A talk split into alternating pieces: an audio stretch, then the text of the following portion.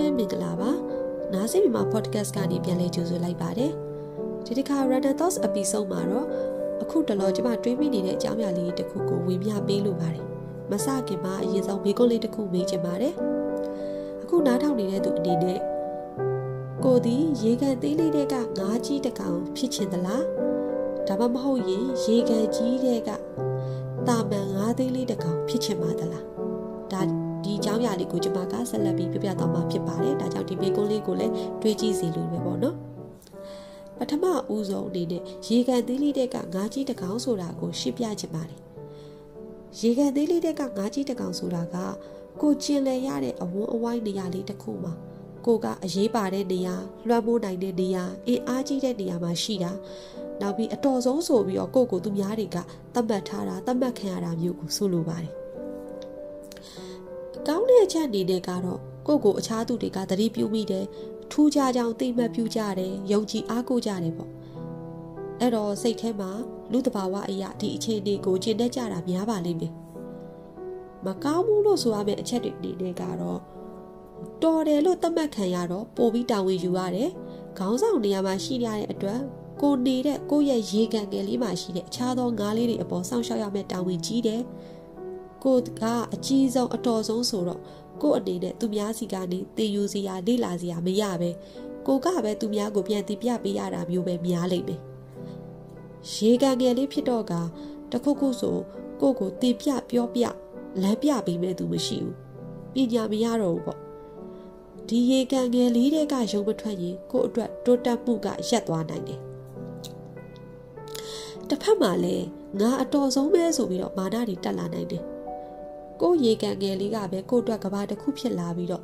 ဒီကိုအဝင်းဝိုင်းရေကန်ငယ်လေးထက်ကြီးတာတွေအများကြီးရှိသေးတာကိုတဖြည်းဖြည်းမသိတော့ပဲနဲ့ကိုသာအတော်ဆုံးဆိုပြီးတော့စိတ်ကြီးဝင်လာနိုင်တယ်ရေကန်ကြီးတွေမြစ်တွေပင်လယ်တွေစသဖြင့်အဲ့လိုနေရာတွေထဲရောက်မယ်ဆိုရင်ကိုကတာမန်ငါးတကောင်ပဲဖြစ်မယ်ဆိုတာကိုမေ့သွားတယ်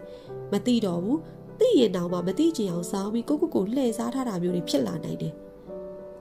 ဒီစိုးကျိုးတွေကလည်းလူတဘာဝအရာဖြစ်တတ်တာတွေပါပဲအဲနောက်ထပ်ဒုတိယတစ်ခုအနေနဲ့ရေကန်ကြီးတဲ့ကငါးလေးတကောင်ဆိုတဲ့ဥစ္စာကိုကျွန်မပြောပြလိုပါတယ်သူကတော့ပထမအရှိမပြောခဲ့တာလေးနဲ့ပြောင်းပြန်ပေါ့ရေကန်ကြီးတဲ့ကငါးလေးတကောင်ဆိုတော့ကကိုကအဲ့ဒီရေကန်ထဲမှာဘာကောင်းမှမဟုတ်တော့ဘူးထူးထူးခြားခြားအရေးပါမနေတော့ဘူးလို့ဆိုလိုတာပေါ့နော် ကိုထက်အားကြီးတဲ့သူတွေလုံနိုင်စမ်းရှိတဲ့သူတွေတော်တဲ့သူတွေအများကြီးရှိနေတော့ကိုကိုဘသူကမှလည်းအထူးတက်လဲဂယုမပြုမိကြတော့ဘူးအာယုံမဆိုင်ကြတော့အဲ့တော့မကောင်းတဲ့အချက်တွေအနေနဲ့ကိုကိုကိုအရေးပါမနေဘူးလို့ခံစားရမိနိုင်တယ်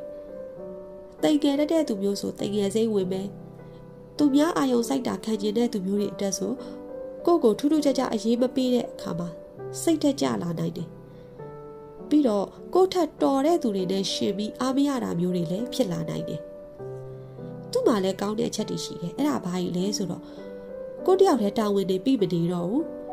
ကိုကိုအာယုံစိုက်ခံရတာမျိုးမရှိတဲ့အတွက်ကြောင့်မို့လို့လွတ်လပ်တယ်ကိုစိတ်ကြိုက်ပေါ့ပေါ့ပါပါနေချင်ရင်နေလို့ရတယ်သူ့ရဲ့အကောင်းဆုံးအချက်အနေနဲ့ဆိုလို့ရှိရင်သူများစီကတည်ယူခွင့်တွေရမယ်ကိုထက်တော်တဲ့သူတွေစီကနေတည်ယူခွင့်တွေအမြဲရနေတဲ့အခါမှာ ကိုကိုယ်တိုင်လဲလေ့လာရင်လေ့လာသလောက်တဖြည်းဖြည်းနဲ့ပို့ပို့ပြီးတော့တိုးတက်လာနိုင်တယ်ဟုတ်ကဲ့ဒါလေးကတော့ဒီနှစ်ခုရဲ့ကွာခြားမှုလေးကိုရှင်းပြတာပေါ့နော်အဲ့တော့ကိုကိုတိုင်ရောအခုနားထောင်နေတဲ့သူအနေနဲ့ရောရေကန်ငယ်လေးတဲ့ကငါးကြီးတကောင်ဖြစ်ချင်ပါသလားရေကန်ကြီးတဲ့ကငါးအသေးလေးဒါမှမဟုတ်တာမန်ငါးတကောင်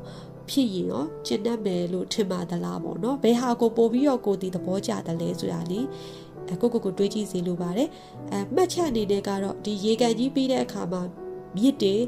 ပင်လယ်တွေသမုဒ္ဒရာတွေရှိသေးတာကိုလူဘဝနဲ့ချိတ်ဆက်ပြီးတော့ပေါ့နော်ဆက်ဆက်ပြီးတော့တွေးကြည့်စီလိုပါတယ်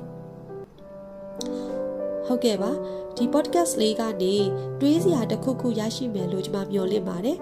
အခုလိုအချိန်ပေးပြီးနားဆင်ပေးတဲ့အတွက်လည်းအားလုံးကိုကျေးဇူးအများကြီးတင်ပါတယ်အားလုံးပဲကျမ်းမာပေးကြပါစေရှင်